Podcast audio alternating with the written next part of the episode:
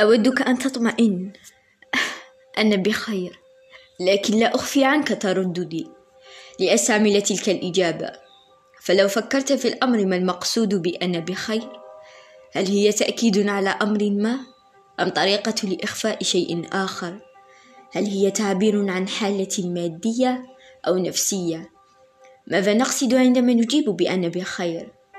فحسب خبرتي كلمة أنا بخير نستعملها حتى وإن كنا في أتعس حالاتنا إن كانت كلمة بخير يراد بها أنا بصحة جيدة فلماذا المريض أو المحتاج يعطيان نفس الرد؟ أظن أن لهذه الإجابة معنى أعمق ويختزل عديدا من الأحاسيس والأفكار التي لا يستطيع المسؤول الإفصاح عنها بمجرد السؤال كيف أعلم ذلك؟ ببساطة لأني مثل غيري. أعطي هذه الإجابة لمن يسألني ذلك السؤال السخيف. كيف حالك؟ الإجابة تعتمد على إخفاء ضعف أو تأكيد صمود لكن وراءها دعوة للحوار لأن في كلتا الحالتين لا يمكن لهذه الحقيقة أن تشاركها مع أحد. أغلبنا يكتم ما يحزنه وما يجعله كئيب لأنه ببساطة لا يبالي بتعاطف الآخر. أو لأنه فقد الثقة. هذا سبب من أسباب الرد بذلك الجواب. لكنه في الحقيقة نداء استغاثة لن يسمعه أي شخص.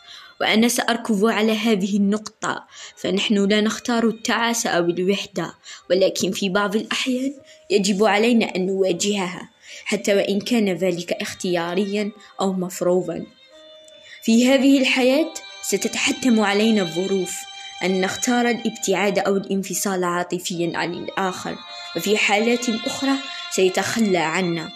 جميل أن يكون لديك رفيق لكن إذا كان وجوده مضر يجب ولسوء الحظ التخلص منه.